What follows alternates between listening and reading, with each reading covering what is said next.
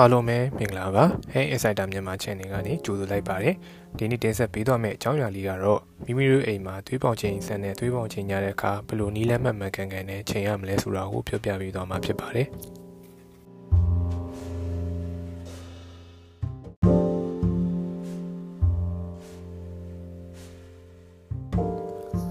COVID-19 ဖြစ်ပြီးနောက်ပိုင်းမှာအိမ်တော်တော်များများကျန်းမာရေးထောက်ကူပြုဆက်ပစ္စည်းလေးတွေဆောင်းနှားလာကြပါတယ်။အဲ့ထက်မှာသွေးပေါင်ချိန်တိုင်းဆက်ပစ္စည်းကလည်းတကူပါဝင်မှာ။ခုအိမ်မှာသွေးပေါင်ချိန်ဆက်တော်ဝယ်ထားပါရဲ့။ဒီလက်မှန်မှန်ကန်နေရော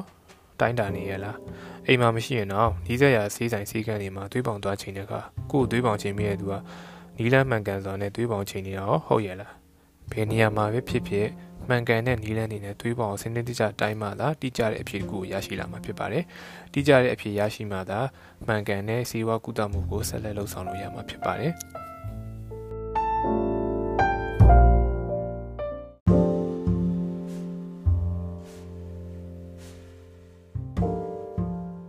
ကျွန်တော်အခုပြောပြပေးမယ့်နည်းလမ်းတွေက digital သွေးပေါင်ချိန်စက်ပေါ်အခြေခံပြီးပြောပြပေးမှာဖြစ်ပါတယ်။ဒါပေမဲ့တချို့နည်းလမ်းတွေကို ရိုးရိုးတာမန်သွေးပေါင်ချိန်နဲ့ကိရိယာတွေမှာလည်းအသုံးပြုလို့ရမှာဖြစ်ပါတယ်။အဆင့်အနေနဲ့ကတော့၅ဆင့်ရှိပါတယ်။အဆင့်1အနေနဲ့သွေးပေါင်မချိန်ခင်မှာကိုယ့်ရဲ့သွေးပေါင်ချိန်ဆက်ကတကယ်ထည့်ရတယ်ဆိုလို့ရှိရင်တိုင်းတာနေတော့မှတကယ်အားမကုန်တော့အောင်တကယ်ထဲမှာကြံတဲ့အားပါမနာကိုရင်စစ်ဆေးပါ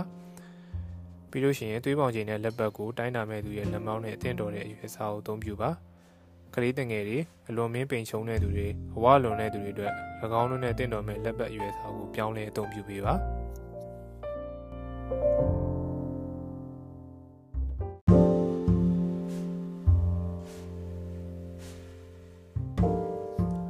အဆင့်နှစ်အနေနဲ့သွေးပေါင်မကျင်ခင်မှာ9မိနစ်ခန့်ထိုင်ကုန်မှာထိုင်ပြီးနားယူပေးပါထိုင်တဲ့ထိုင်ကုန်ကလည်းကြောမိလို့ရပြီးတက်တောင့်တက်တာဖြစ်ရပါမယ်တကယ်လို့သင်ကသွေးပေါင်မကျင်ခင်မှာဆေးလေးတောက်ထားတယ်ကော်ဖီလက်ဖက်ရည်နဲ့တခြားကက်ဖင်းပါတဲ့အရာတွေတောက်ထားတယ်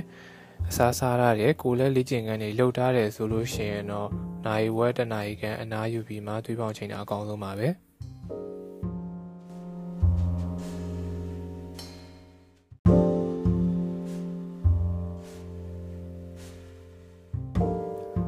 စင်သုံးနေနဲ့တင်ကအနားယူပြီးပြီစင်သေးဖြစ်ပြီဆိုလို့ရှိရင်တော့သွေးပေါင်ချိန်မဲ့လက်ပတ်ကိုစတင်ပတ်ပါအရှိမတကယ်လို့တယောက်တိုင်းသားရဆိုလို့ရှိရင်လက်ပတ်ထဲမှာကျန်နေတဲ့လီကိုညှစ်ထုတ်ပါတိုင်းနာမဲ့သူရဲ့လက်မောင်းမှာလက်ပတ်ကိုပတ်ပါလက်ပတ်ရဲ့အောက်အနားကတကောက်ကွေးကနေဆိုလို့ရှိရင်လက်နှလုံးအပေါ်မှာရှိရပါမယ်လက်မောင်းရဲ့အပေါ်ကိုအရင်ရောက်နေလို့မရပါဘူးပြီးတော့လက်ပတ်နဲ့ဆက်ကိုချိတ်ထားတဲ့ပိုက်ကအောက်ဖက်မှုမျက်နှာမူနေရပါမယ်တချို့ဆက်တွေမှာလက်ပတ်မှာမြားလေးပါပါတယ်အဲ့မြားလေးက အောက်ဘက်မှာရှိနေရပါမယ်လက်ပတ်ပတ်တဲ့ခါမှာလည်းအရန်ကြီးတင်းနေတာအရန်ကြီးရော့နေတာမျိုးမဖြစ်ရပါဘူးလက်မောင်းနဲ့လက်ပတ်ကြားပါလက်ညှိုးတစ်ချောင်းစာလောက်တော့ကောင်းကောင်းထည့်လို့ရရပါမယ်ပြီးတော့လက်မောင်းနဲ့လက်ကြားထဲမှာအဝတ်တွေခံနေလို့လည်းမရပါဘူး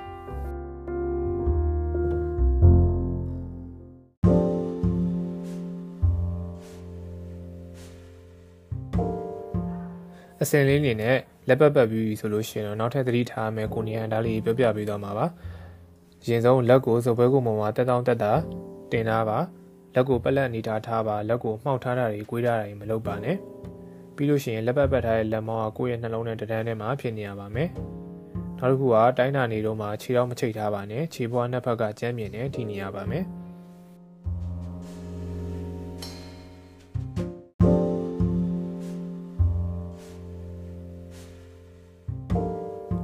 အဆင့်9အနေနဲ့သွေးပေါင်စာတိုင်လို့ရပါပြီ။ သွေးပေါင်ချိန်ဆက်မှာရှိရဲ့ stack clock ကိုနှိပ်ပါသွေးပေါင်တိုင်းနေတော့မှစကားလုံးဝမပြောပါနဲ့ဖြစ်နိုင်လို့ရှိရင်တော့တိတ်ဆိတ်ငြိမ်သက်တဲ့အခန်းတစ်ခုမှာပဲတိုင်းပါငြိမ်ငြိမ်လေးနေပါလှုပ်လှုပ်ရှားရှားမလုပ်ပါနဲ့ကဲတိုင်းပြီးပြီဆိုလို့ရှိရင်တော့အဖြေကိုကိုယ့်ရဲ့မှတ်စုဆောက်လေးထဲမှာရေးထည့်ထားပါအဖြေကိုကိုကမမှန်သေးဘူးထင်တယ်နောက်တစ်ခါတိုင်းနေတယ်ဆိုလို့ရှိရင်တော့10မိနစ်နားပြီးတော့နောက်တစ်ချိန်ပြန်တိုင်းလို့ရပါတယ်လူတစ်ယောက်ကပုံမှန်သွေးပေါင်ခြင်းကအပေါ်သွေးက130အောက်အောက်သွေးက80အောက်ဖြစ်နေရပါမယ် တကယ်လို့အဲ့ထက်ကျော်လာရင်တော့သက်ဆိုင်ရာဆရာဝန်တွေနဲ့တွားရောက်ဆွေးနွေးတိုင်ပင်ပါ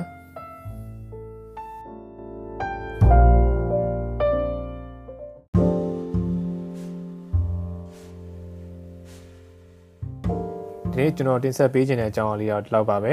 နောက်ထပ်ပြီးတော့ဘလို့အကြောင်းအရာလေးတွေတင်ဆက်သွားမလဲဆိုတော့သိကြရင်တော့ channel လေးကို like and subscribe လုပ်ထားပြီးဖို့တောင်းဆိုလိုက်ပါရစေခင်ဗျာ